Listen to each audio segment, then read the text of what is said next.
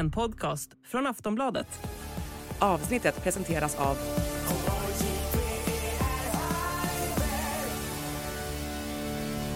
Stödlinjen.se, åldersgräns 18 år.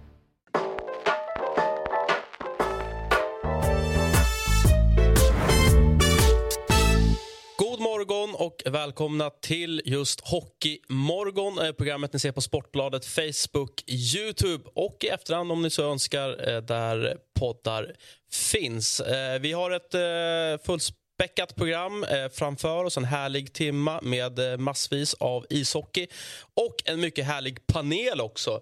Eh, God morgon, Johanna. Hur God läget? morgon. Nej, men det är bra, tack. Alltid härligt att vakna till Hockeymorgon och tisdag. Visst är det? Mm. Och alltid fint att få välkomna två gamla murvlar från Sportbladet också. Thomas Roos och Hans Abrahamsson. Vad, vad tar ni med er från helgen här, rent spontant? Det finns hur mycket som helst. Hur mycket tid har vi? Men det är väl, En timme har vi. En timme. Perfekt. Nej, men det finns ju jättemycket att prata om och, och jättekul att har startat. Den här liksom försången är ganska seg och, och man gör massa förhandsgrejer och tippar och, och listor och allting. Jag vet inte hur, man blir ju helt galet trött på det.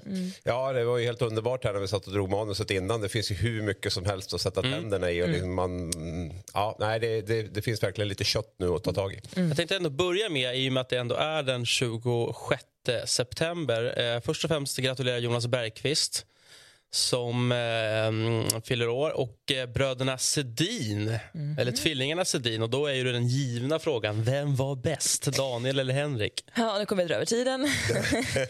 Nej, men Jag satt ju i Globen 2013 och eh, man såg dem inte sådär supermycket i och med att det var lite tidsskillnad av Vancouver och sådär. Men så specialstuderade dem då och eh, blev grymt imponerad av Henrik måste jag säga. Alltså vilket spelsinne, vilken spelhjärna, vilken... Nej, jag, jag måste nog säga Henrik även om det är lite som att välja med sina barn. Man kommer inte ihåg tre mot tre World Cup när vi var i Toronto. när de mötte U23-laget från Nordamerika. De, de där, den sudden defen som var där, alltså bland det värsta jag sett hockeymässigt. Alltså de, de anfallen och den liksom lekhockeyn som var, var helt magiskt. Och då var ju Sedinarna med med Louis Eriksson om jag minns rätt. Där. Mm. Ja, nej, det är två grymt skickliga hockeyspelare men eh, måste jag välja en så tar jag Henrik. Men alltså, jag minns ju dem såklart väldigt tydligt men jag har väldigt svårt att liksom särskilja alltså spetsegenskaper. Vad, Vem var den lite mer fysiska? Vem hade det bästa spelsinnet? Vem hade det bästa avslutet? Det, allt är bara blur för mig. ja, faktiskt lite samma. Men jag skulle kanske säga att Henrik är lite mera spelteknisk. Båda var ju extremt speltekniska.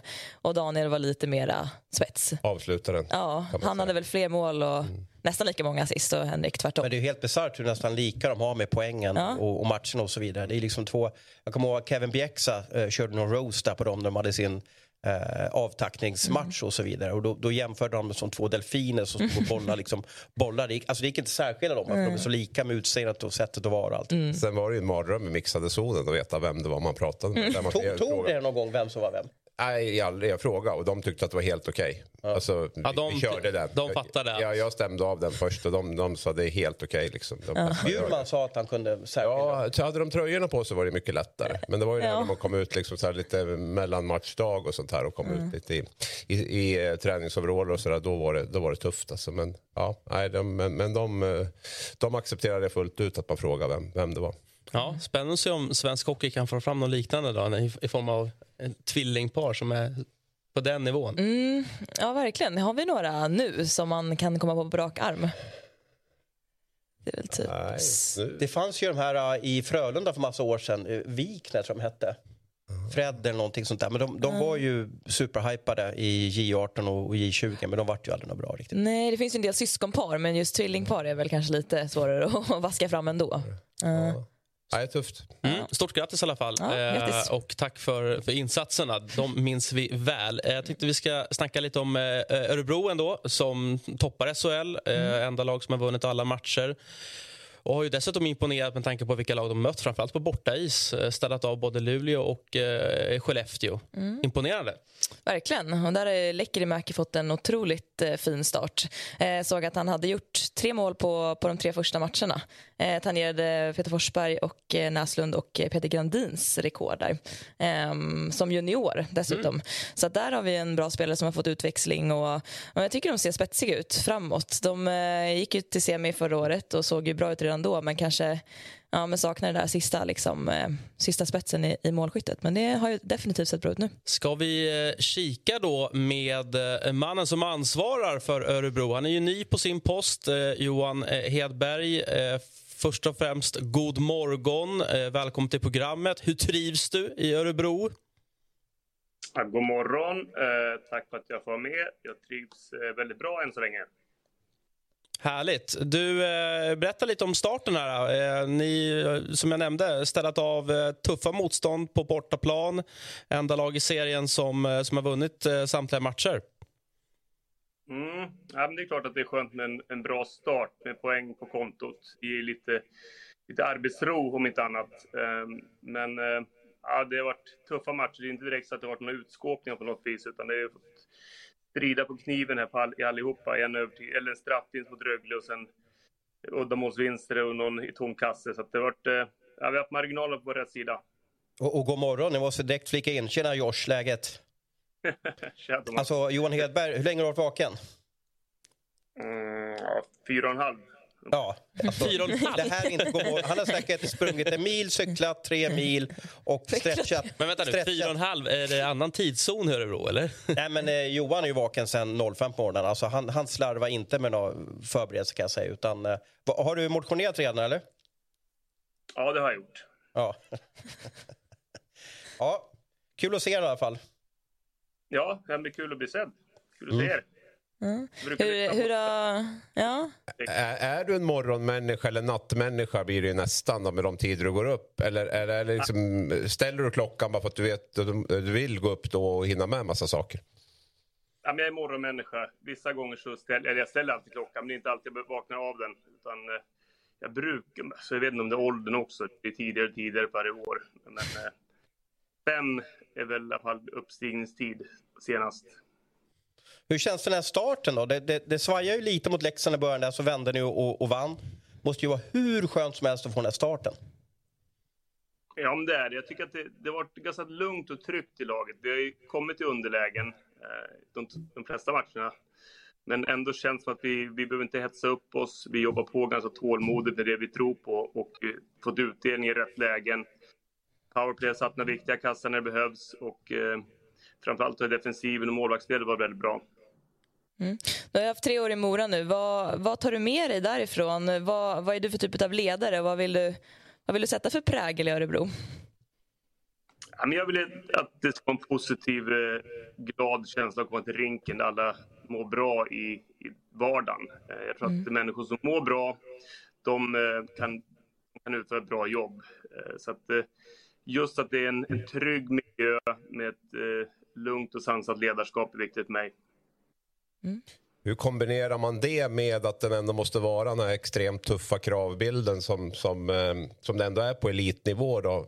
Det här mjuka versus det, det hårda. Vad är, vad är hemligheten med att lyckas kombinera det? Ja, men jag tycker inte att man behöver vara... Alltså, för mig är det en självklarhet att man är här för att bli så bra som möjligt. Annars skulle man inte vara på den här nivån. Och vi, Ehm, Örebro har gjort samma sak, vi gjorde samma sak i Mora. Vi letar efter folk som, som verkligen vill bli bättre. Och då, då slipper du liksom ha blåslampa på folk. Utan det är klart alla är olika och vissa måste du bemöta på ett annat sätt. Men eh, alla har vi samma mål. Vi vill, vi vill vinna, vi vill ha kul, vi vill bli så bra som möjligt. Och har man bara de förutsättningarna då ska man inte liksom behöva ha skälla på folk för att göra sitt jobb. Utan det är en, det är en sak som jag tar för givet att man, man kommer hit varje dag med ett fokus.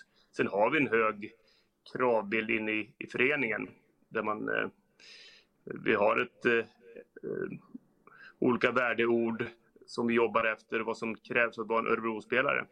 Det har säkerligen alla lag, men eh, jag tycker att man, just laget i det här fallet är ju styrkan i det här laget, att det är ett jäkla bra gäng. Jag vet att du väntar lite med att välja ut lagkapten, eh, och då inte bara du, säkert hela tränarstaben då. Men, men för det första, vem är den bästa lagkaptenen som du har spelat under? Oj. Um, bästa lagkaptenen. Och det är ju ett par stycken. Um, men jag, jag, jag måste säga att jag tycker, de gånger jag varit med i landslaget eh, på den tiden så tycker jag att Sudden stod ut som en fantastisk ledare. Eh, en kille som inte var ledde på isen utan även vid sidan av med ett stort lugn, bra pondus, levererade alltid de stora matcherna. Men han var ju liksom personifierat lugnet för mig. Eh, som fick eh, truppen och gruppen att tro på det vi gjorde. Så att jag lyfter fram Sudden i det. Mm. Och hur resonerade du när, du valde liksom lagkaptenen för, för i år då? För det var ju lite, ja, det var kanske några som höjde på ögonbrynen i alla fall. Mm. Nej, men vi vill, jag tycker att det finns så pass många här i laget som... Vi har många an, men vi hade kanske ingen tydlig C. Eh, Glenna kommer tillbaka från Växjö. Han har varit i Örebro tidigare, han har gjort resan med, via juniorlaget. Var iväg, han gjorde, eh, vann SM-guld med Växjö, fick se liksom andra vyer, drar på sig erfarenhet. Han har ett långt kontrakt, en kille som leder med exempel. Han ger allt varje dag och ett jävla skönt driv. Sen gillar jag Glennas eh, ärlighet. Han, han är sig själv varje dag och det, det är väldigt viktigt för mig. Eh, jag tänker Johan, du har inte coachat jättemånga matcher här i SHL och kommer från eh, säsongerna i Hockeyallsvenskan. Är det någonting så att du direkt kan sätta fingret på, det här är skillnaden mellan serierna? Jag tycker att man är mer noga i alla detaljerna. Eh, det är svårt att skapa SHL du går inte bort det på samma sätt utan alla är noga i liksom spel med klubban, klubban mot puck, eh, start och stopp, hemjobbet är mer konsekvent. Eh, jag tycker att alla är väldigt, väldigt välskolade och välcoachade. Så att det gäller verkligen att vara ödmjuk i varenda byte, annars, så, så är, du, annars är det trubbel. Hur, hur, var det att kliva in i ett relativt färdigt koncept då, som ändå Örebro har varit de senaste åren där man har haft en väldigt bra grund, man har filat på detaljer de senaste åren här och så. Hur, hur, hur gick dina tankar där när du kom in? Ja, men det är en jäkla bra fråga, för det, det, det stångar sig också med liksom, vad ska jag in och göra här för någonting? Man kommer två, fyra i SHL, man går till semifinal, man är på vippen och går till final. Eh, tittade igenom mycket givetvis av deras matcher, tittade igenom underliggande statistik och ser liksom de, de två sakerna som jag bygger mycket av min filosofi på är två saker som jag tyckte man kunde förbättra och det är just eh, spelet ur egen zon och spelet i anfallszon och försöka skapa mer tid där. Vara lite snabbare ut ur egen zon, skapa mer fart genom mittzon och eh, spendera mer tid i anfallszon. Så det är väl det vi har lagt fokus på.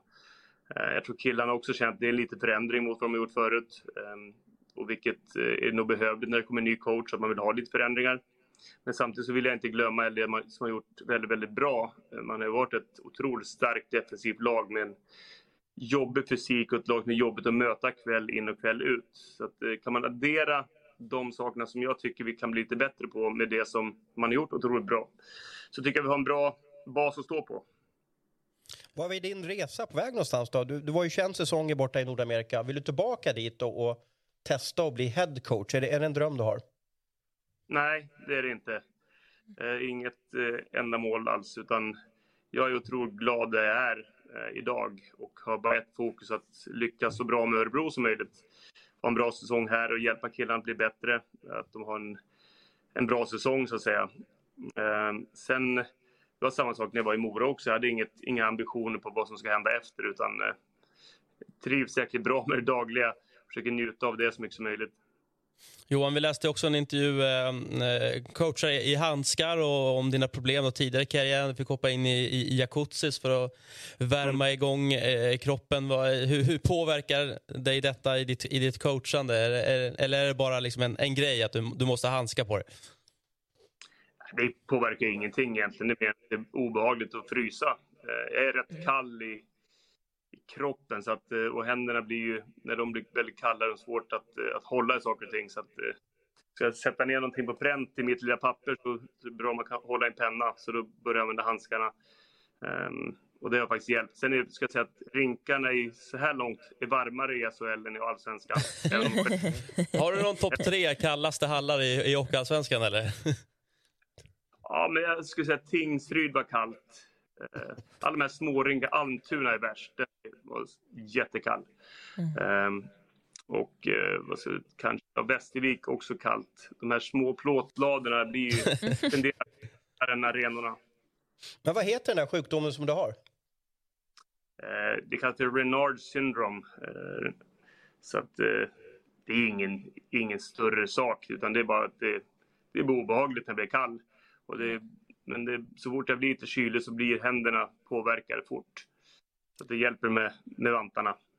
Du ska ha eh, stort tack Johan. Eh, grattis till en bra eh, säsongsinledning och lycka till framöver med ditt eh, Örebro. Ja, men tack boys och girls. Fortsätt eh, ge mig lite någonting att lyssna på på, på morgnarna. Så det, det är kul att lyssna på. Du är välkommen att fortsätta lyssna i 50 minuter till minst och sen framöver. Tack Johan. Mm, lycka till. Mm. Tack, tack. Hej då. Hej då. Worried you'll need to babysit your robot vacuum? Think again. Meet Eufy X10 Pro Omni Robot Vacuum with AI powered navigation to recognize and avoid over 100 objects. It's the winner of five Best of CES awards. And Digital Trends says it boasts almost all the same features as robot vacuums that cost twice as much. Want to know more? Go to eufy.com. That's E EUFY.com and discover X10 Pro Omni, the best in class all in one robot vacuum for only $799.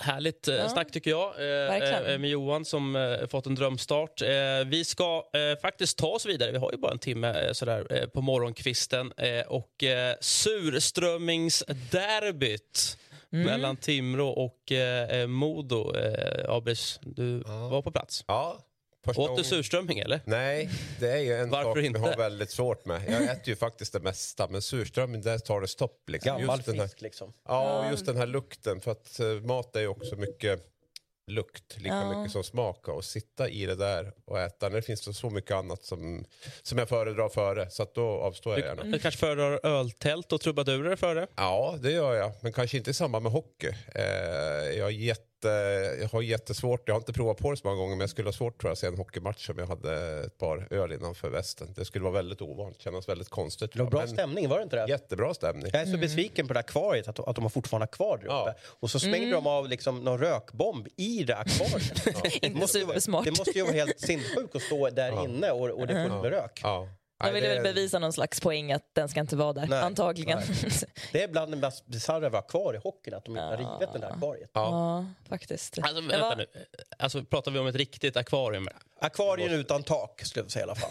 För Timrås bortastå ska jag väl säga.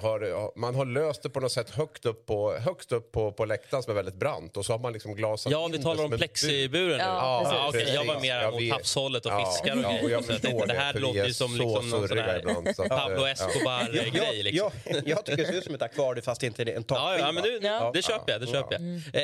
Eh, eh, matchen då. Eh, Timrå vann ju med 4-2. Det var väl första gången på eh, tio år va? de möttes i, i högsta serien. Ja, precis. Ja, nej, men det var, och rivalmöten behövs och det här är ju ett rivalmöte. Jag pratade lite grann med, med lite modofolk där och undrar vilket som är värsta rivalen, om det är Björklöven eller Timrå. Men för de äldre så är det Björklöven, för de yngre är det definitivt Timrå. Så att eh, eh, matchen i sig, jag tycker Timrå hade tufft första halvan av matchen. Tycker de var kvar lite grann i de de här dubbla förlusterna där uppe i, i Norrland. Det var 1-10 eller någonting man hade där och så fick inte igång spelet. Eh, första kedjan kommer väl komma in på och så, men eh, Sen blir det som att Modo räcker inte riktigt till. Eh, Roma kliver av tidigt. Man har väl Daniel Reagan, heter han så, som ska komma in. Eh, som inte är där. Så man, man, man har ju, saknar ju spets, liksom, va, så att det, det blir svårt för dem. Ja, vi har eh, en av de som har inlett klart bäst med tre mål på fyra matcher med oss. Magnus eh, Pääjärvi, god morgon. Välkommen till Hockeymorgon. Ja, hur känns det att äntligen få möta Modo då i SHL igen?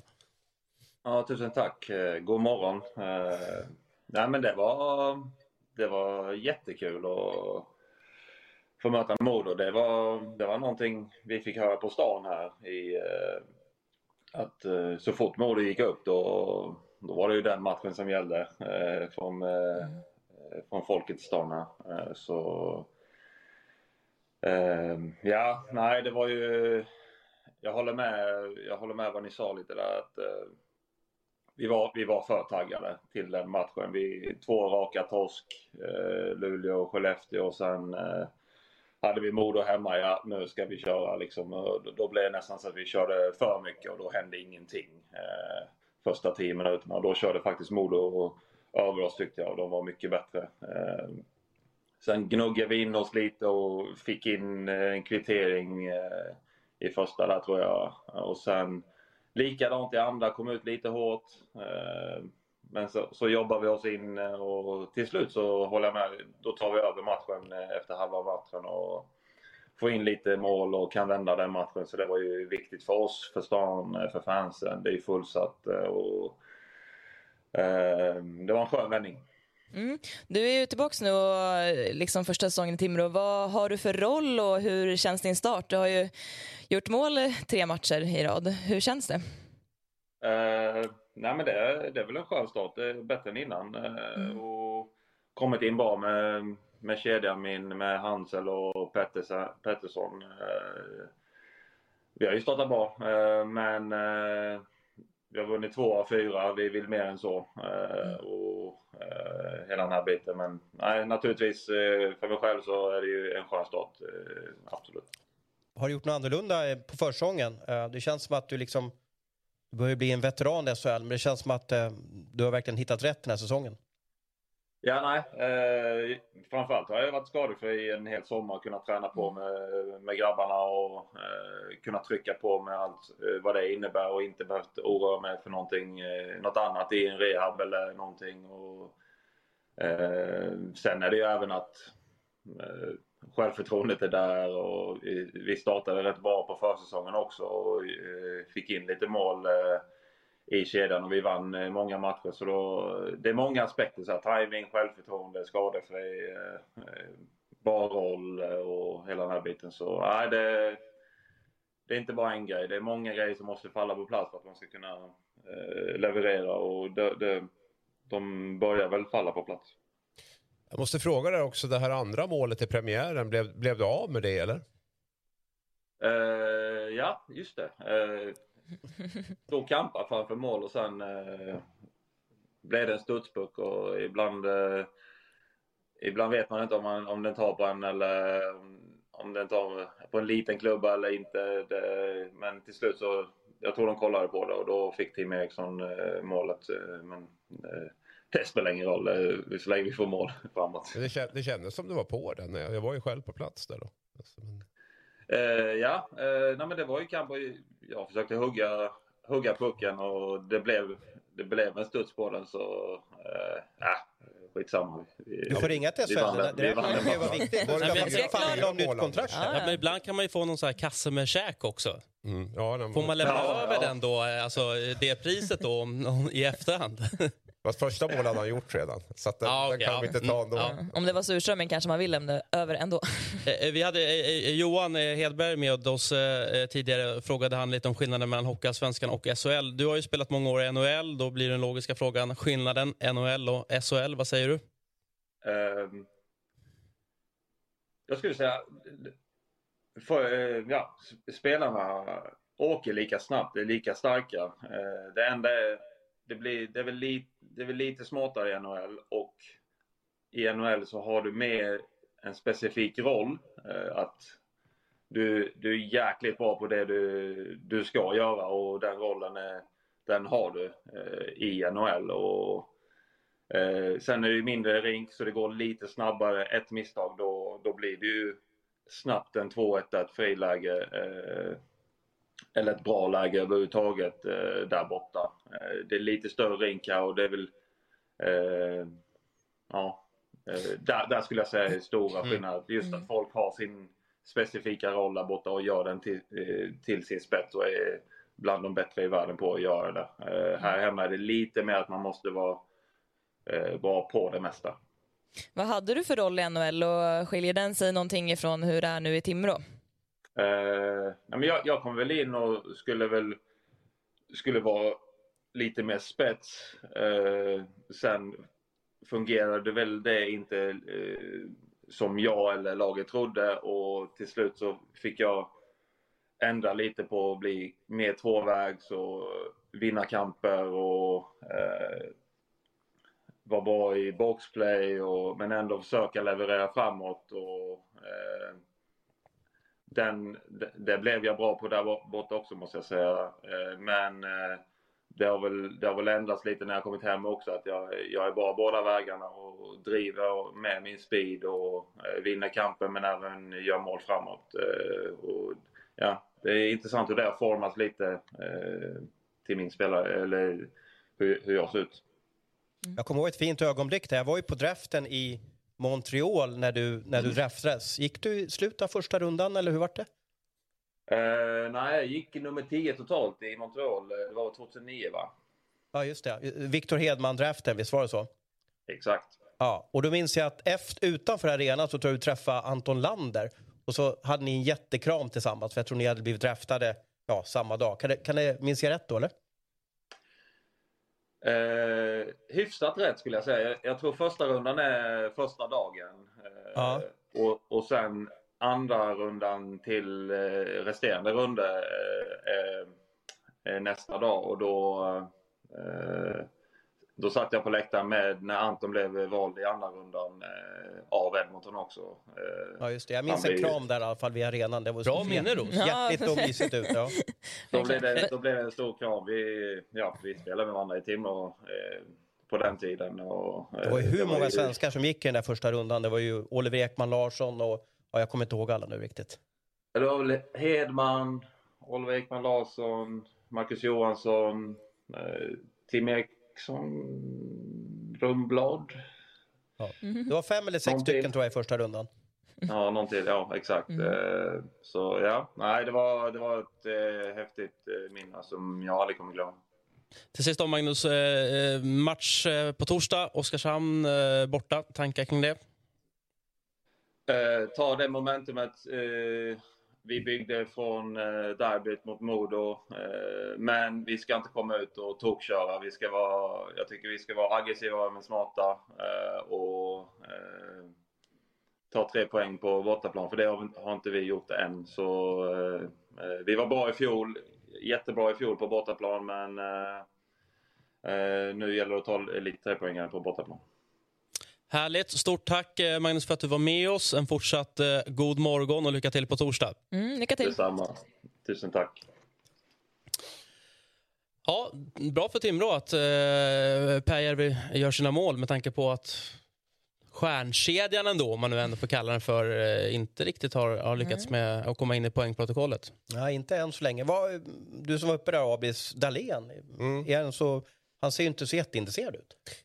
Det är han nog. Kanske för intresserad skulle jag tro. Alltså, jag, jag känner nog mer att eh, lite grann tappade lite självförtroende tycker jag. Alltså, det, det är med den känslan jag får. Jag måste säga med Dahlén också. Att, eh, alltså, jag pratade med honom efteråt. Jag måste säga att han i den här tuffa stunden. Man har ju varit med många SHL-spelare som tycker att det är skitkul att prata när det går bra och inte så kul när det går dåligt. Och då vill jag gärna lyfta fram de här killarna som faktiskt gör det även när det går tufft. Och Dahlén var väldigt eh, rak, ärlig, självkritisk eh, och jag kände verkligen att han han bryr sig väldigt mycket hur, hur det går och vill naturligtvis att det ska Kanske vända. bryr sig för mycket. Ja, men lite mer åt det hållet till. Man får ju en lite bättre bild när man pratar med spelarna än när man Ja. bara ser dem på isen. Och, ehm, nej, ja, det, är ju, alltså, det är ju fyra matcher, vi säger att det är väldigt lite, men det är ju jätteanmärkningsvärt att de har noll. De har inte varit inne på ett enda mål framåt, de har noll Alltså poäng inte ens inne på ett mål. Nej, inte ens, Ja, inne, det, inte ens det är backmål. anmärkningsvärt. Alltså, nej, det, Jag tror de det, också har sämst plus minus i hela Ja, ja. SHL. Ja, det de borde de ju minus rimligtvis 18. ha då. Ja. Minus 18 tillsammans. Liksom, så här. Wow. Det är ganska höga baklängesmålssiffror också. Då. Även om plus minus kanske inte är något exakt mätverktyg så är det ju ändå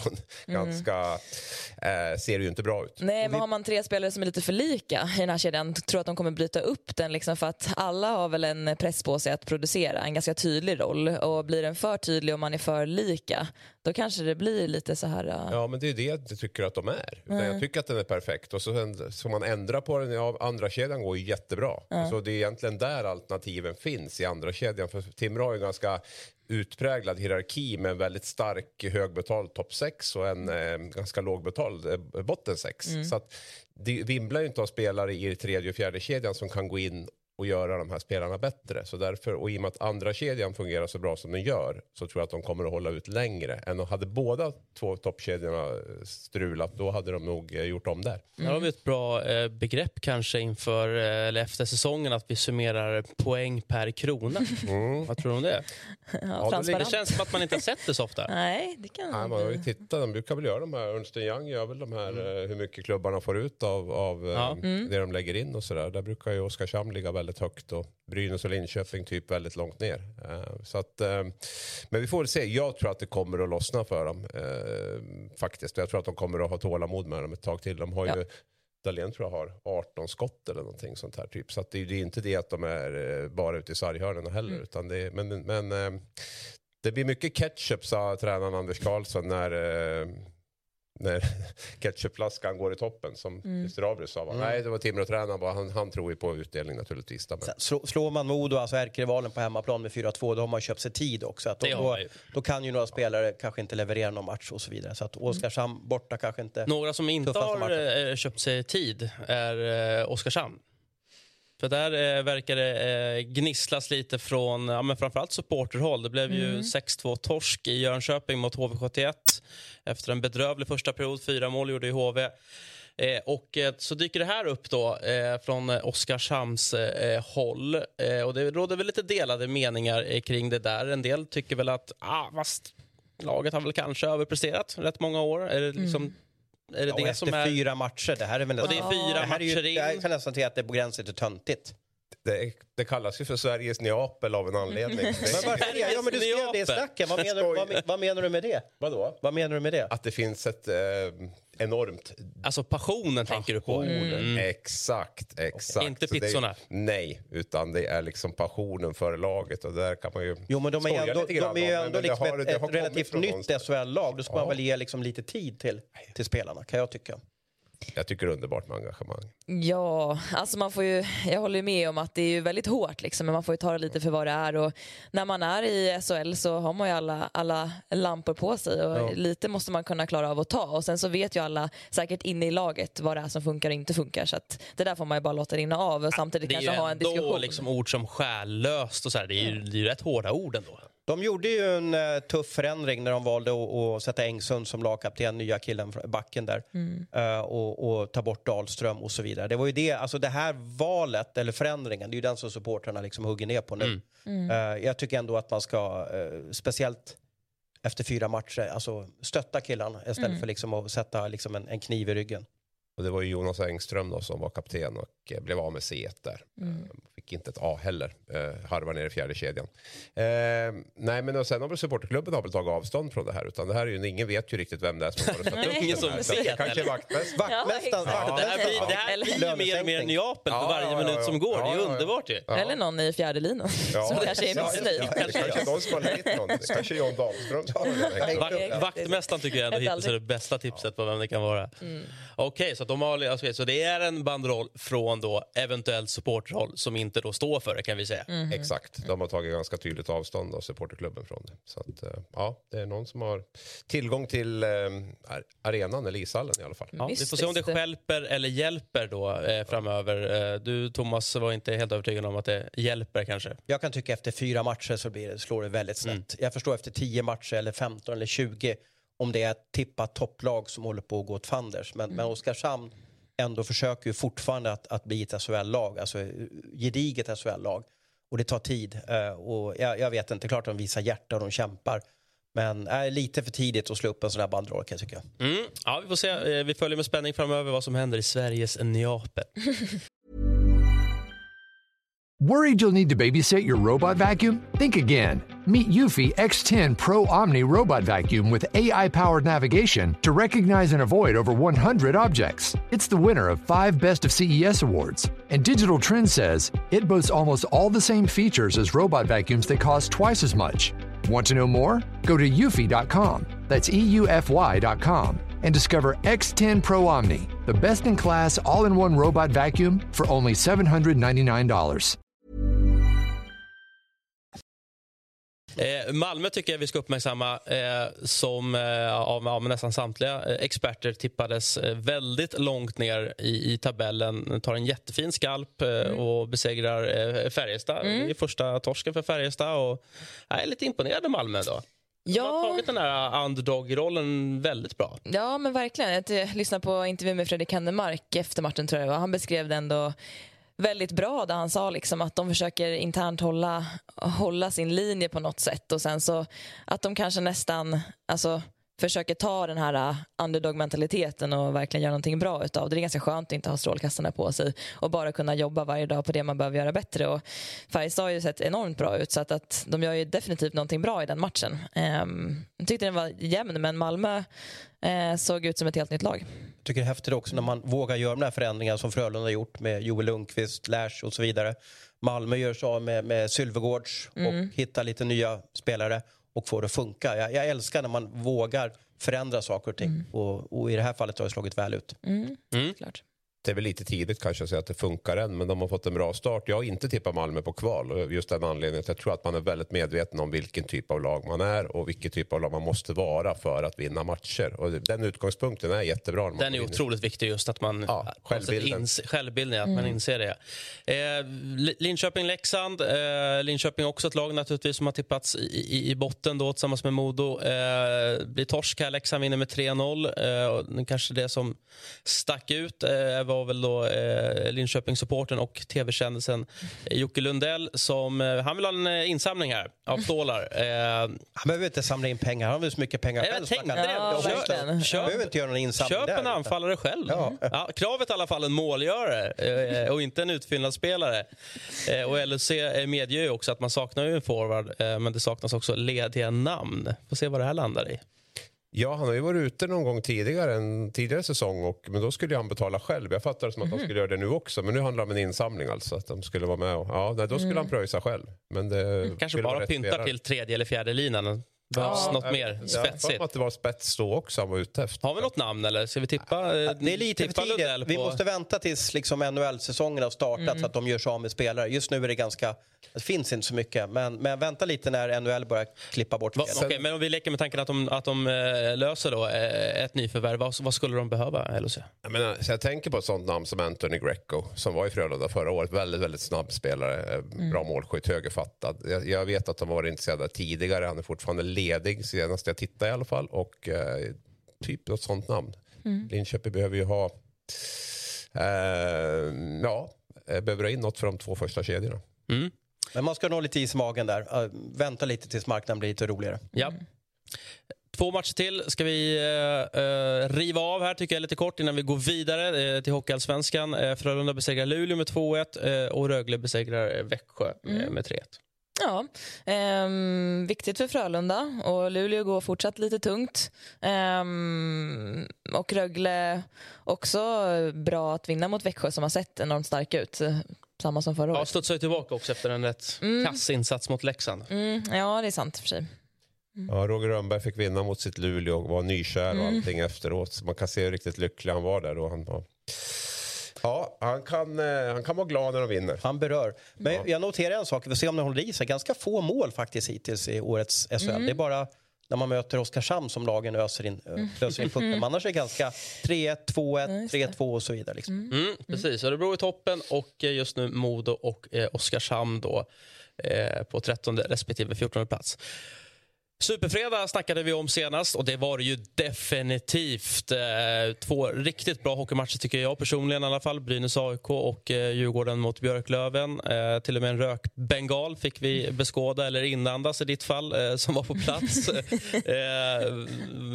Abris, vi börjar med, med, med din resa till, till Gävle. Vad, vad säger du om inramningen och, och, och matchen mellan Brynäs och AIK? Nej, men det var ju riktigt, riktigt häftigt måste jag säga. Och framförallt att det var rejäl bortaklack också. Man blir, blir lite medveten om det där hur sällan det händer i SHL. Ja, där var det inte akvariet, va? Där var det Nej. mera... Mera byggstängsel. A- Zon. Apur. Ja, ja, eller byggstängsel, provisoriska där. Det är ju lite, det är rätt hårda. Jag fick den här listan över Svenska Hockeyförbundets krav för att arrangera den typen av match. Och det är ju det är inte bara bara att få till om man nu vill. Brynäs hade ju gjort så att man hade ju släppt fler biljetter till AIK än vad man behövde göra. Man behöver ju släppa 150 och det har har man ju in, inglasat redan höll jag på att säga. Där, där finns det ju inre, eh, begränsat där de kan stå. Men nu släppte de ju 350 till då, totalt 500 biljetter. På sitt plats då 350 och då var de ju tvungna att bygga upp de eh, säkerhetsföreskrifter som gällde där och så. Då. Så att då blev det den där lösningen som man kan plocka bort ganska enkelt. Så att, mm. Jag vet inte, man kan, ju liksom, man kan ju hacka på det där och vara lite ironisk och sådär. Samtidigt, men jag tycker man gjorde det ganska bra utifrån de förutsättningarna. Jag är jätteglad att man släppte in 500 AIK där, för det var Ja, så mycket för atmosfären. Ja, men framförallt det när det bara är 150 som är liksom ett minimumkrav. Så jag är glad att man sätter någon slags eh, standard här nu i första omgången så att det blir lite bra bortasupportrar för det blir mycket roligare matcher att se. För annars blir det ofta att man kanske bjuder tillbaka och släpper Brynäs 150, släpper AIK 150 och sen så rullar det på. Så att hellre det att man utökar och, och har en liten bur eller ett akvarium eller vad det än kan vara. Det är så fascinerande som det är i Gävle också att klackarna står bredvid varandra. Ja. Det var det ju Stockholmsderby konstigt. fotboll i söndags. Jag undrar hur, hur det skulle funka om, om Djurgården och AIK stod bredvid varandra där på, på norra stå. Inte Det lika hade nog inte kanske. blivit lika trevligt. Ja, den matchen hade nog inte varit klar ännu tror jag. Nej. Men vilken klack var det som vann? Jag får en känsla att det var AIK-klacken som vann. Ja, det, det var ju under perioder i matchen var det som jag måste väl totalt sett säga ändå. Jag menar, det var 4-0 tidigt, Brynäs vann ganska klart. Så att det är klart att det påverkade ju humöret hos hemmasupportrarna. Så jag skulle vilja säga att det var, det var ganska jämnt. Men eh, litet övertag för, för Brynäs ändå. Det var dessutom 7 7 500 AIK var 500. Mm. Så att, men AIK gjorde det superbra faktiskt måste jag säga, vilket de ofta gör. Ja, hur tyckte du Brynäs såg ut nu då? Um, ja men bra mm. måste jag väl säga, utan att dra för stora växlar. Jag tycker det blir jätteintressant match på onsdag, nu Västerås borta, ett kokande Rocklunda, hur hanterar man det? Nu fick man lite mest, så AIK är ju ett lag som kanske inte riktigt sitter ihop fullt ut. Jag tycker AIK gjorde en, en rätt bra match, Stundtals. men att det, man såg att det var skillnad alltså mellan ja. lagen i, i kvalitet och i mm. kollektiva mm. arbetet det är lite så jag känner att AIK gör under perioder riktigt bra. Men i, försvarsspelet är ju inte riktigt bra. Egen zon, man har problem där. Man, man blir lite för lätt att straffa på något sätt. Ja, inte helt sålt på målvaktsparet heller. Nej. Jag tror inte att de kommer liksom rädda AIK de matcherna de kommer att behöva. Bli räddare på något sätt. Nej, tyvärr inte. Det såg faktiskt, framåt såg det helt okej ut. Man har ju utstakat eh, målskyttar i bland annat på agendan men liksom, mm, det var en del lätta mål där de blev ganska så ordentligt översköljda av Brynäs fart så att man hinner inte riktigt med i försvarszon. Nej, man behöver få ordning på mm. försvarsspel. Jag tyckte att Trock mm. såg eh, jättespännande ut. Han med Kontos också. Det var ju ett radarpar i Slovakien var det väl förra säsongen där och så. Alltså, det där känns det som att där kan det bli mål. Sen är ju den här första kedjan med, med Jung och Fitzgerald och, och Sion Nybäck också. Så att där har man ju två producerande mm. kedjor. Men det gäller ju som sagt få ordning på målvaktsspel och få ordning på försvarsspel. Mm. Tänk vad vi lever i förgångna också, Abris. Rocklunda. Ja, men jag måste ju säga så. Jag säger delfinen ibland också. ja. Helt ja. rätt. Man ska ta de gamla namnen. Och ibland Gavlerinken också. Ja, ja, men alltså, med, no Rocklunda, med alla de här jävla sponsornamnen. Alltså. Nej, nej, Rocklunda. Kunde, alltså, det ekade i den där plåtburken, men jag tror den heter ABB arenan. ABB, ja. Det är, de men de, exakt. Ja, jag är närmare till Läkerol ändå än Monitor ERP. så, så, så, så, man vet inte. Jag tänker jag bara kring, kring fotbollen just och jag som kommentator. Alltså man ska läsa de här namnen på arenorna och ibland, alltså det går inte. Alltså, så här, ingen, jag tror någon i Kalmar säger skulle de heta Guldfå. Alltså, det, du kan inte säga guld. Alltså, här, det går ju inte. Alltså, det, vad är det för nivå på ja. grejerna? Liksom? Ja, men värsta arenanamnet, är inte den uppe vid dig där? Borrotong arena, finns den kvar? Ja, var det i Valborg? Ja, det var ju Niklas Bäckström som tog över den. Ja, det heter ju Nick Back Arena nu. Borr och tångar. Han jag viftar, Bäckström liksom. jag viftar en flagga för eh, Falkenbergs eh, IP, gamla IP. Falcon alkoholfri arena. Det är inte många som har sagt det i den stan, det kan jag säga. Nej, så var det Metallåtervinningen arena i Uppsala. Ah, Arizonas arena hette jobbing.com arena. Nej, det, det, det går inte. Det går, det går inte. Eh, eh, på tal om arenor och klassiska arenor. Eh, närmast tropisk värme i Hovet beskrevs det som. Eh, kanske för att det var fullsatt och kanske för att det var rätt varmt ute. Men en jättefin eh, hockeymatch, mm. Djurgården-Björklöven. Den där hockeyfredagen i, i fredags tycker jag var helt otrolig. Först börja med, med Brynäs, AIK, sen avsluta med Djurgården, Björklöven. Jag tror jag slutar 23.00 och sånt mm. Och det, det är många av mina kompisar som har sagt att det här är den perfekta hockeytiden. För då har de lagt barnen och så vidare och sen kan de liksom slappna av framför tvn och kolla en hockeymatch. Jag vet inte om den börjar 20.30 eller om det var 20 kommer du ihåg exakt. Mm, 2030. Men, ja. men det är ju ganska bra tid för dem som, liksom, som vill avsluta fredagen och sen varva ner framför, framför tvn och lite hockey. Jätterolig match. Eh, det var så här Lützendimma på Hovet. Har inte riktigt förstått om det beror på värmen eller om det var något fel på, på Jag kylan. tror det är aggregaten där som får, de får ja. kämpa rätt mycket. Men det var ju samma mm. sak i, i Nybro också, att det var som lite dimma på isen där. Jag tyckte det var lite coolt att se. Sen förstår jag inte hur, hur liksom målvakten och sådär, de måste ju alltså drabbas av det där. Det blir ju mm. inte perfekt synfält. Blir Nej, det hade nog en hel del. Och framförallt när det var så där påtagligt som var på Hovet. Det kan ju vara så där ibland utan att man tänker ja. på det. Och det var ju varmt ute med, också. Ja, men det, det beror ju på det mestadels. Och sen att det är någonting med aggregatet som inte riktigt Så nu kan man säga att det var trafik framför mål och dimma. ja, mm. exakt. Mm. Ja, det är inte helt lätt förutsättningar. Men eh, ja, det var en otroligt bra hockeymatch. Det mm. var ja, men typ match 8, vi pratade om det i uppsnacket inför. Men det kändes som liksom rivaliteten satt kvar på något sätt. Trots lite förändringar i trupp och sådär. Men jag tyckte både att eh, tyckte Djurgården såg jättebra ut, och, och, men även Björklöven. De kändes liksom eh, som att det var långt fram i säsongen fast det var första matchen. Liksom. Det var mycket som var, som var så bra.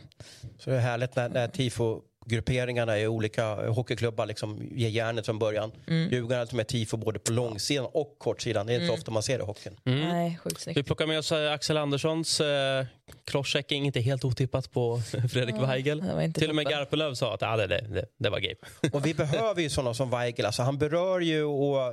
Känner honom bra förresten? Eller har ni... Ja, men lite. Alltså, ja. Han har spelat AIK ett Precis, par säsonger. Så Precis, absolut, ja. Hur är han vid sidan om isen? Liksom? Är han som en terrier där också? Liksom? Eller hur är han? Nej, alltså faktiskt inte. Han är jättetrevlig och liksom väldigt social och intresserad. Och jag tycker han är en bra person. Mm. Eh, men sen så hittar han, han älskar ju det där, verkar mm. det som. Alltså den rollen. Och är en av få spelare som jag tycker också kan prestera, alltså kan hålla den här höga nivån och reta gallfeber på, på sina motståndare och hålla huvudet kallt och faktiskt göra poäng och vara där där det brinner. Så jag det, det är han och John McEnroe kan man säga. Ja, mm. eh, vi måste faktiskt ta oss vidare. Vi ska snacka alla, jättemycket med Hockeyallsvenskan framöver naturligtvis eh, och uppmärksamma eh, någonting riktigt läckert och coolt i eh, NDHL, alltså nationella damhockeyligan. Eh, första matchen för Rögle, 3852 mm. åskådare. Wow, applåd till det. Mm. Och vi har med oss Rögles klubbdirektör eh, Daniel Kock. Eh, ja, alltså vilken grej. Vad, vi ser en bild här från, från matchen och eh, dessutom vändning mot Malmö. Det måste vara en, en, en härlig känsla att få följa det där. Ja, det var det verkligen. Det var, eh, kunde väl inte bli mer välregisserat än så kanske. Så det, var, nej, det var en härlig eftermiddag och ett eh, riktigt roligt, riktigt stolt över hela organisationen. Givetvis flickorna och ledarna också. Men eh, och publiken också. Jätteskoj att se den backning som, som laget fick. Är du eh, förvånad över uppslutningen och, och den här rekordsiffran? Eh, nej, det är jag egentligen inte. Vi, vi har känt redan, vi, vi har jobbat aktivt med detta i, i fyra år nu mot den här premiären och vi har ju känt intresset både bland partners och äh, även bland våra supportrar. Och, men det som varit fantastiskt kul är ju, det är ju en produkt nu som är ny så vi måste ju jobba med den produkten och det har vi jobb, gjort under en tid. Men det som är fantastiskt skoj, jag tror det är första gången i, i mina år i alla fall där jag ser mer än halva publiken är ju kvinnor och framförallt flickor. Väldigt mycket flickor i arenan och det är ju en ny målgrupp och, och äh, fantastiskt skoj. Det bådar väldigt gott för framtiden också att se så mycket tjejer och kvinnor i arenan och äh, jätteroligt. Mm, ja men verkligen. Stort grattis till en fin premiär. Och jag vill bara gå tillbaka lite och, och, höra om de här fyra åren. Varför ni valde att göra den här satsningen och vad ni har jobbat med lite mer specifikt för att komma till den här fina premiären som ni hade. Ja precis. Vi, vi, eh, för fyra år sedan så satte vi en, vi kallade en femårsplan, men det handlar egentligen om att ta hand om de äldsta tjejerna. Eh, hand om de äldsta tjejerna vi hade i akademin då. Vi hade ingen bredd. Alltså vi hade precis startat egentligen upp en akademi eller en eh, alltså, ungdomsverksamhet för flickor och börjat. Så vi tyckte det var viktigt att bygga pyramiden rätt så att säga. Så att vi började fokusera på bredden. Men att då ge de, för, de eh, äldsta tjejerna i akademin som är 07 och 08 förutsättningar, eller egentligen så bra förutsättningar som möjligt att, att växa med oss och Eh, Eh, och de, de fem nu, de fem är med, de äldsta tjejerna, fem av dem som är med i premiären här i, igår. Eh, så egentligen hela planen har handlat om att skapa förutsättningar för dem. Eh, vi har startat hockeygymnasie eh, som vi dragit igång här i, i höst också. Eh, också med tanke på de 07 och 08 nu som är på väg upp i vår egen grund. Vi ville bygga det rätt så att säga, bygga pyramiden och bygga bredden först och sen efterhand som det växte så hade vi en, en, en plan. Vi sa faktiskt fem år innan vi skulle ha damlag men tjejerna har utvecklats fantastiskt bra och vi tyckte det var rätt läge här nu för ett år sedan ungefär dra igång det redan detta året. Mm. Vi har läst också att Maria Roth och eh, Elinor Rudell har varit med och delaktiga i den här satsningen blivit av. Eh, hur har de varit med och, och påverkat? Ja, Maria har ju en fantastisk inspirationskälla för oss. Hon eh, både för mig personligen och för hela organisationen. Hon satt även med i styrelsen här under ett par år eh, innan hon fick då jobbet på SVT så att hon äh, jätteinspiration för givetvis flickorna i regionen och, och för oss i organisationen också. Eh, Elinor är ju den som som tog fram den här femårsplanen som, som satte igång egentligen flickhockeyn här och sen tog fram den här femårsplanen som, som hon sen presenterade för styrelsen ihop med mig givetvis. Med, och det, för en tre, fyra år sedan. Så att Elinor, eh, båda två högst delaktiga och, och jätteviktiga bakom, det, bakom där vi är idag. Så att. Ja, och då undrar vi också till sist Daniel, vad är målsättningen eh, denna säsong för Rögle i NDHL?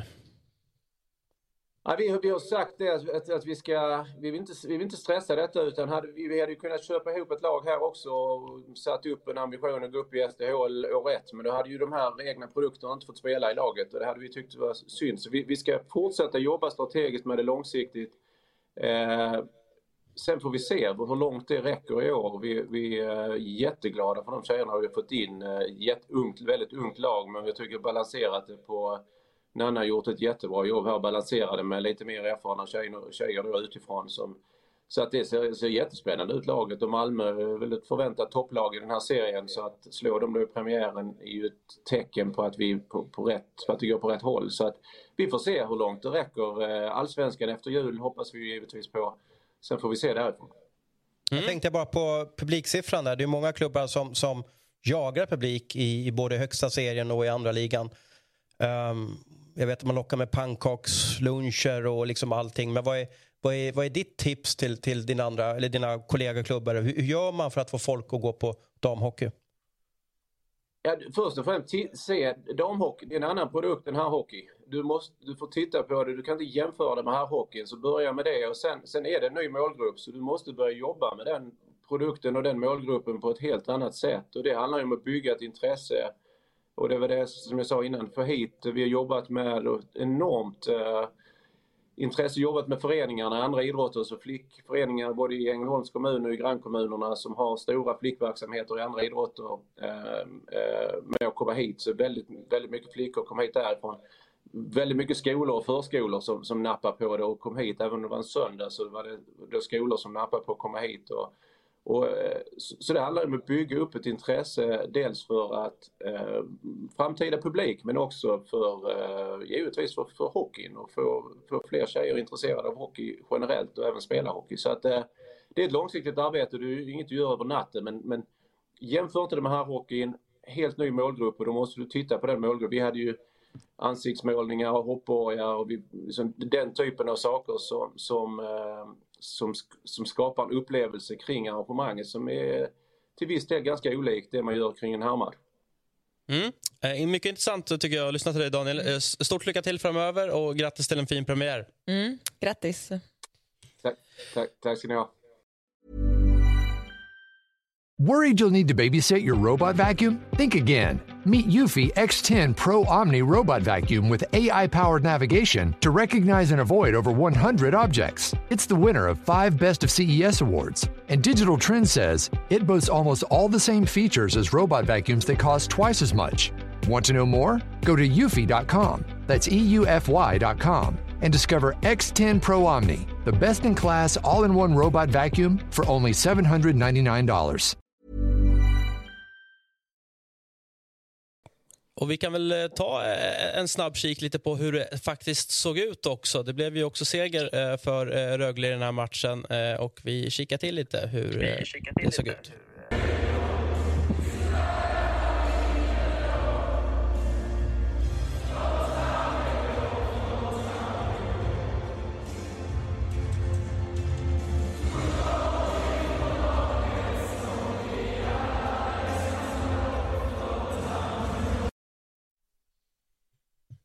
Ja. Mm. Får du igång suget nu? Eller? Ja, skojar du eller? Nej, men jag är jätteglad för alltså, damhockeyn i stort i Sverige. Det är kul att det kommer upp såna här klubbar och driver på utvecklingen för att det är mycket nya bra tankar från liksom ledare och man tar in eh, ja, men gamla damhockeyspelare som har väldigt mycket erfarenhet och lyssnar in där. Man bjuder in partners, man bjuder in eh, både flickor och pojkar och bygger intresset och jag gillar att de har gjort det på lång sikt och ser till att liksom också vårda om våra svenska spelare som ja, men som egentligen, det, det hänger ju på dem att vi har en liga kvar eh, till slut. Så att, eh, väldigt hoppfullt eh, och väldigt proffsigt skulle jag säga. Eh, första intrycken här. Skitkul. Mm. Vi ska eh, kika lite med Sportbladets eh, spelredaktion. Eh, Steven Lee Holmdahl han satte ju faktiskt ett av två eh, målspel här eh, senaste gången. Vi hör eh, vad han har att säga om kommande tips. Hallå Hockeygänget. det var nära i fredags Eh, tidig träff på Koppaka men eh, Ljungkrans lyckades tyvärr inte leverera så den dubben sprack på ena benet. Men vi kör samma typ av spel idag. Dubbel med målskyttar, totalodds 25 gånger pengarna. Eh, börjar med André Pettersson i HV71. Eh, känns som att det är dags för han att öppna målkontot. Har gjort fyra assist eh, så här långt. Eh, händer alltid grejer när han är inne på isen. Hans kedja får nästan alltid starta i offensiv zon, inne på powerplay. Och eh, så som eh, Modo har sett ut eh, i egen zon så känns det som att det här oddset är helt okej okay för att syna. Eh, bygger på med eh, en lite mer, uh, ett lite, oh, som jag säger, ett långskott i dubbel bemärkelse. Eh, kör Mattias Hävelid i Linköping. Eh, riktigt tuff bortamatch såklart, men man ska komma ihåg att Frölunda har släppt till väldigt mycket rena lägen. Eh, det är de nog också medvetna om själva så jag skulle inte bli förvånad om de börjar köra lite mer kollapsande stil i egen, eh, i egen zon. Öppnar upp för backskott eh, hos Linköping. Eh, Mattias Hävle har fått mer istid nu också spelat i powerplay. Haft över ett dussintal skott på mål och eh, ja, jag tycker helt enkelt att odds som är nära 10 gånger pengarna är alldeles för mycket när de ändå möter ett lag som har släppt till så pass mycket klara chanser. Ehm, och eh, ja, man får nog passa på, passa på att njuta av honom den här säsongen för han eh, är ämnad för eh, någon liga som ligger Eh, på andra sidan Atlanten. Ehm, ja, så totaloddset blir 25. Eh, lycka till och så hörs vi igen eh, lite senare. So Stort tack för det. Eh, premiären i SDHL, eh, mm. det var väl mest omtalade Frölundas debut eh, mm. inför 1600 åskådare i Frölundaborg. Det blev mm. seger mot SDE efter förlängning. Ja, exakt. Men det som först och främst stack ut över alla omgångar var att det var så jämna matcher. Eh, så det, det båda gott. Frölunda eh, hade kanske hoppats på en lite lättare vinst. De har varit ganska hypade, eh, men jag tror att de kommer få det ganska tufft. Däremot var det en väldigt bra match. Jag tror SD sköt 41 skott och Frölunda sköt 20, eh, så det är starkt att, att ta den där extra poängen. Eh, jättekul med mycket publik också. Eh, tror det kommer vara två, eller alla de här lagen kommer vara, det kommer vara tajta matcher och eh, ja, ser jättemycket fram emot eh, mot den här säsongen. Mm. Jag hade tänkt kolla lite matcher där, men jag hade ju missat att en match kan starta 12.00 i mm. SDHL. Man måste ju läsa på, ja. man måste googla ett år innan för att förstå sig på spelschemat. ja, det är inte, kanske inte helt optimalt på en söndag. Å andra sidan så man tävlar med mycket andra ligor och man försöker hitta ett eget koncept. Så nu har vi för första gången fått eh, två egna speldagar, fredagar och söndagar. Vi har alltid spelat lördag söndag förut. Eh, det har varit ganska tuffa resor, man spelar sent lördag kväll, åker, börjar 12 en söndag. Det är inte heller helt optimalt. Så jag tycker att de, det går ju framåt år för år. Och vet man att det är 12 då, då kan man anpassa sig efter det. Men man hade kanske helst sett att det var 18. Liksom. Vi hörde ju å andra sidan eh, från Rögle-håll alltså mm. hur man ska locka publik. Det lät ju mycket på honom som att alltså, man ska göra ett familjeevent mm. av det. Då kan ju den tiden faktiskt vara väldigt gynnsam. Mm, ja, men jag tror också det. Liksom, att, uh, å ena sidan har man den här fredagskvällspubliken. Om man inte har då kanske för tidigt. Exakt. Nej, men jag tror man ska försöka hitta sin egen grej. Så vi får, man får utvärdera. 12 kanske, kanske funkar bra. Och nu har man haft uh, Rögle i andra ligan då, hade bra med publik och Frölunda hade också bra med publik. Men där tror jag också att det handlar mycket om att man marknadsför, bygger profiler och försöker locka folk snarare än vilken tid matchen spelas på. Även om det om det nu är på helgen. Och, och tar det på allvar också. Uh, ja. Luleå gör ju samma arrangemang när det är dammatch som herrmatch. Mm. Jätteviktigt. Vi såg Rögle körde Röglehymnen inför mm. matchen med mm. publiken som ställde upp och, och sjöng fram den där fantastiska hymnen de har. Eh, jag har ju varit på några matcher på Hovet och kollat Djurgården. Och det, mm. det, alltså jag, man får leta sig in, för de har en mm. dörr öppen ja. för publik. Mm. Ja, jag vet, det, det är synd, liksom, för att jag, när man kollar på bara en dagmatch och sen så har man en dagmatch där det är 150 pers och en som är full. Det har liksom ändå varit så några gånger i SHL. Det är två helt olika produkter på isen. Det kan vara samma kvalitet, men det känns som att det är bättre när det är publik. Och Det är en stor utmaning också när det inte kommer så mycket folk, att det känns som att det är sämre hockey, att det går långsammare, det ekar och det blir liksom liksom ingen känsla. Så mycket av produkten är ju att det är spänning, det händer saker på läktaren, det, det känns som att det är mer fart. Så att, eh, men, men jag håller med dig, det är en bra början att göra det liksom samma arrangemang som för herrarna till exempel. Att man har hymn, man har intro, man har alla entréer öppna, man har kiosk, man har mat, man har eventuellt lite alkohol. Så det, ja, det finns mycket att, att jobba på. Eh, I övrigt då, eh, sett från premiärrundan, eh, favorittippade Luleå vann till sist eh, borta mot Modo. Finska stjärnspelaren Ronja Savolainen låg bakom det. Mm. Ja, men de har ju liksom en kärna i Luleå som gör det väldigt bra år efter år. Det är tacksamt att få behålla stora delar av sin trupp för att liksom kunna fortsätta bygga på på en liknande spelidé som liksom har funkat bra länge men jag är ändå glad och positivt överraskad att det, det var så jämnt. Alltså både spelmässigt, jag såg matchen eh, stundtals, men även resultatmässigt och samma sak i, i resten av matcherna. För det har tenderat att eh, springa iväg lite grann. Eh, AIK som är bottentippade stod upp jättebra mot HV och styrde Ja, vi matchen. noterar Lagus-effekten. Ja, precis. Nej, men de stod upp skitbra liksom och ehm, hade kunnat lika gärna vinna den matchen och eh, Göteborg har ju nu eh, bytts ut mot Frölunda och jag tror att det är, det är jättebra för ligan att det är så här mycket jämna resultat. Eh, sen tror jag att Luleå kommer ligga högt upp ändå, men det finns fler utmanare. Ja, är det något resultat där som du tycker sticker ut? Ja, jag trodde Leksand skulle vinna mot Djurgården. Jag tror att de stod på jäkligt bra också, så det var väl lite av en skräll kanske. Men eh, nej, annars är det väl ganska precis så som jag tippade. Mm. Ja, men vad härligt. Eh, premiäromgångarna då i våra ligor är avklarade. Vissa har kommit lite längre än andra. Eh, vi närmar oss slutet av den här härliga hockeytimma och, eh, och vi älskar listor. Vi, vi är väldigt svaga för det. Eh, så vi har bett eh, vår gode vän Thomas Ros här att plocka fram eh, rivalmöten, säger jag. Jag är ju sån där old school. Jag säger ju inte derbyn om de inte är på samma stad. Där får alla ursäkta. Eh, men jag noterar i alla fall att det är i alla fall ett derby med på listan. Men vi börjar på, på femte plats, eh, Thomas. Ja, eh, precis. Jag tänkte just fundera på vad satt Jeppes nummer 15. Men Det jag ser ut dig. att jag Skellefteå mot Björklöven. Skellefteå mot Björklöven har jag satt där.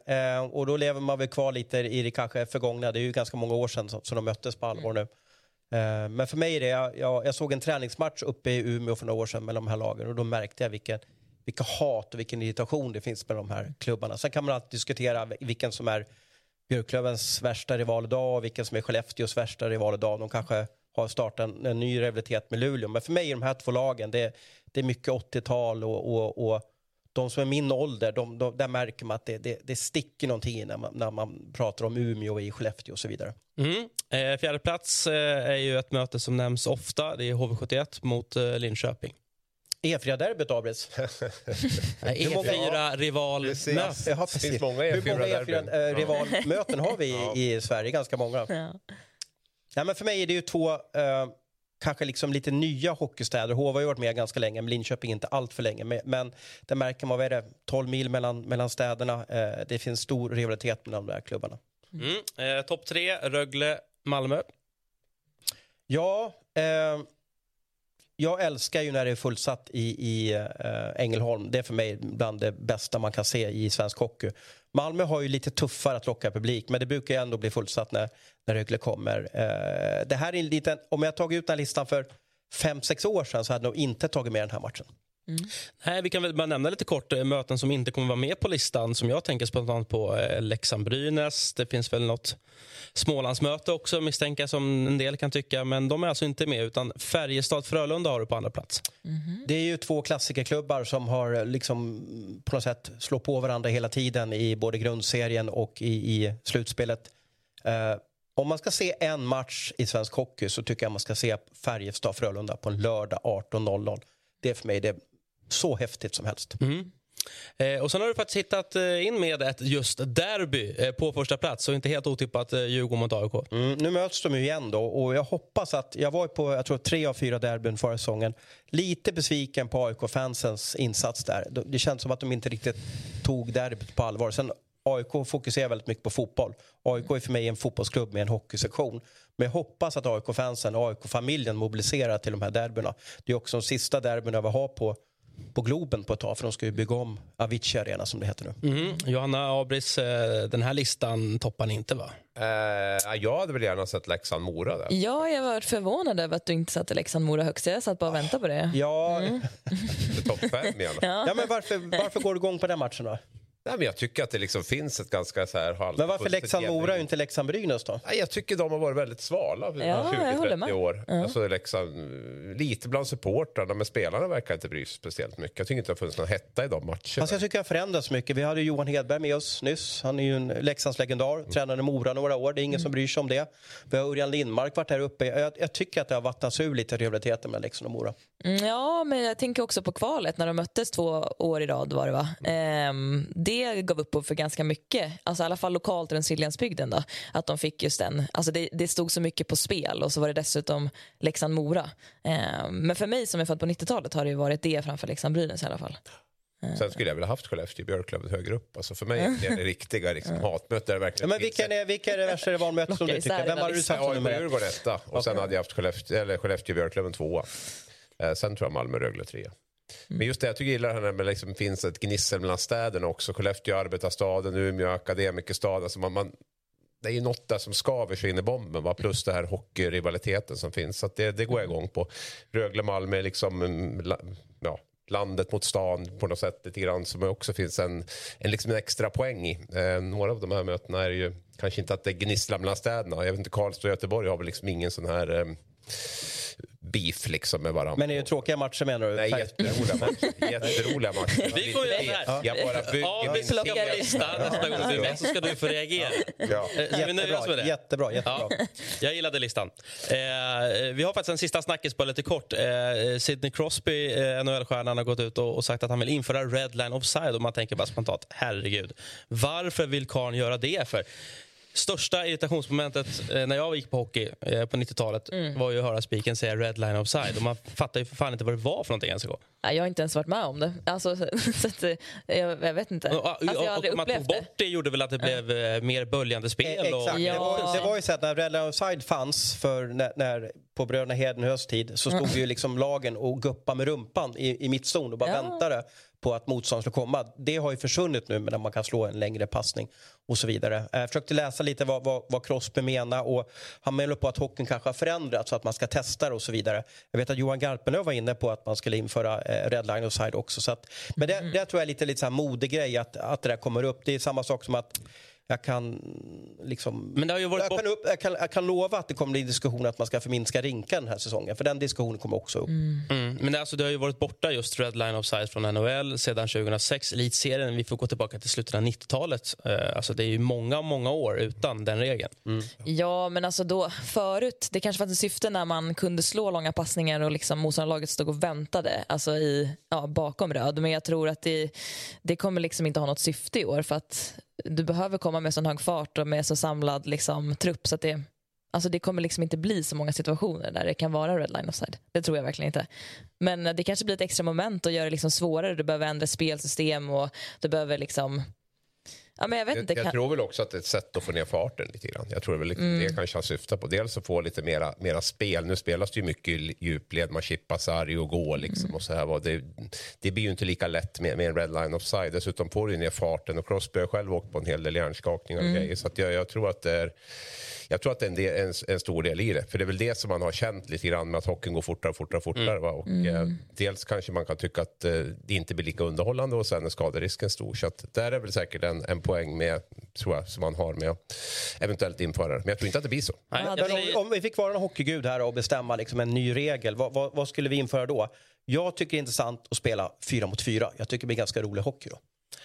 Alltså så här, jag är kanske mer inne på om man liksom blickar lite större än en specifik regel. För mig, som älskar ishockey och, och fotboll, två största sporterna, helt ofattbart att man kan komma toksist i en serie och inte åka ut direkt. Och lika ofattbart Du att man kan vinna en seriestrukturen. serie. Den som vinner grundserien Hockeyallsvenskan direkt upp, byter med jumbon i SHL. finns ingenting värre än de här lagen som ligger sist runt julafton. De vet att de har en räddningsplanka. De kan värva därefter, de kan spela därefter. Idrott på högsta nivå, det måste vara konsekvens om det blir jumbo. Det är tack och hej då. Där har du det man ska förändra. Ja, den här debatten om seriesystem och, och Vi kommer ju regler. ta den framöver i Hockeymorgon. Ni märker ju hur upprörd jag blir. Jag blir också Ja. upprörd på det här förslaget med Red and Offside. Jag säger som vad heter han, Sverker, eh, konsumentgubben där på SVT. Slänger i papperskorgen. I papperskorgen, ja. Usch, säger vi. Det gillar vi inte. Eh, vi ska avsluta med att att kika eh, sista, eller den senaste, eller den kommande, heter det. Nu är det tidigt här. Kommande omgången. Eh, eh, och eh, intressant att höra era tankar kring det. Vi har samlat ihop, det är ju två matcher ikväll då, Modo HV, Frölunda, LOC. Och sen så fortsätter vi på, på torsdag eh, och även då eh, med lite hockeyallsvenskt eh, såklart på, på spelschemat. Vad sticker ut här? Det blir intressant att se Oskarshamn-Timrå om Oskarshamn fortsätter och, och, och Det och blir det ju efter bandrollen. Ja. Mm. Ja, eh, intressant att se om Färjestad studsar tillbaka och blir vinnande lag igen. Jag kan gissa att man byter målvakt till torsdagsmatchen. Sen det är det kul med tisdagsmatcher. Jag tycker synd att man inte racear på med tre matcher i veckan. Det, det, det är synd när det är fem dagar mellan omgångarna. Man tappar lite tempo. Mm.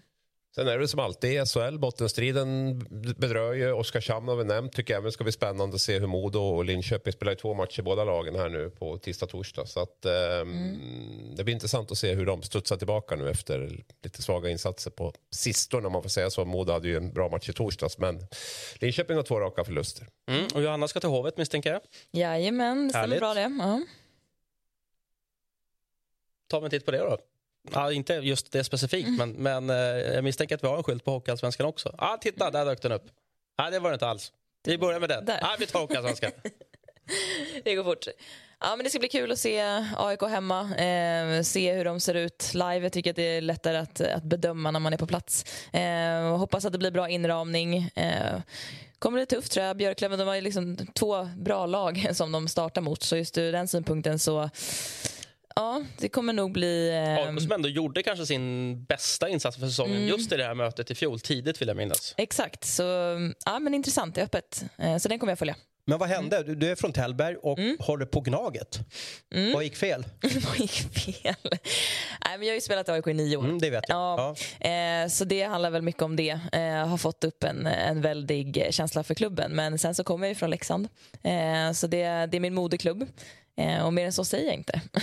En av få då som, som kommer från Dalarna och inte håller på Bajen. Det Ja, och jag har sagt det faktiskt i Hockeymorgon förut, men eh, alla fördomar stämmer. Eh, det är en förkärlek för, för Hammarby. Eh, jag vet inte om man Och jag ska... håller inte alls med om den. Måste jag säga. Inte? Nej, nej. För- Jag, för jag mig- förstår inte var den kommer ifrån riktigt. Åtminstone i min generation var det många som valde Hammarby. I och med att Brage kanske inte allt, de har aldrig spelat, liksom, eller de har spelat allsvenskan någon gång, men det finns inget lag att hålla på. Och Leksand inte- spelar i division 4. Ja, De är helt okej på där har jag fotboll. spelat också. Ja. Men, men liksom, om man skulle välja något lag i allsvenskan så, så blev det Hammarby. I alla fall i min generation. Där har vi en framtida lista, de här obegripliga, vad folk håller på. Alltså, de kommer från helt andra ställen i landet så håller man hårt på det laget. Det är en bra intressant lista. det är väl ingen, eh, alltså det är väl ganska bra betyg om man lockar publik oavsett vart man kommer ifrån, eller? Ja, Sen kan man skämmas det är ju lite bra, men det är också men- minusbetyg till regionen man kommer ifrån att man inte kan attrahera Ja, eh, supportrarna kvar. Att Ja. Mm. sant, sant. Och sen har vi, vi hade väl en SDH-skylt också. Den Mm. Tittar vi till. Eh, tuffa matcher för, ja, men för AIK då och Mm. eh, SD som då eventuellt kan studsa tillbaka mot HV71. Mm, ja, Frölunda, eller AIK börjar med två bortamatcher. Alltså det är match mitt i veckan här. Alltså det ska bli intressant att se. Vi, jag var ju med då och spelade mot dem i kvalet. Eh, då var det jämna matcher. De har i princip samma lag. Så jag tror att vi ändå nästan skulle kunna sätta AIK som favorit i den matchen. Kan det Fast bli en Dick. Axelsson efter jul att du gör comeback? Oj, oj, oj. oj. Omöjligt. man ska aldrig säga aldrig, men det är långt bort nu. Jag såg när Rögle-bilderna kom där Ja. det gnistrade till. ja, verkligen. Ni ska ha stort tack. Eh, vi har till och med gått över tiden. Det betyder att det har varit en toppentimme plus lite overtime. Tack Johanna, tack eh, Hans och tack eh, Thomas. Och tack för att ni tittar och lyssnar för den delen, för det kan ni också göra. Tillbaka senare i veckan med ytterligare ett program av Hockeymorgon.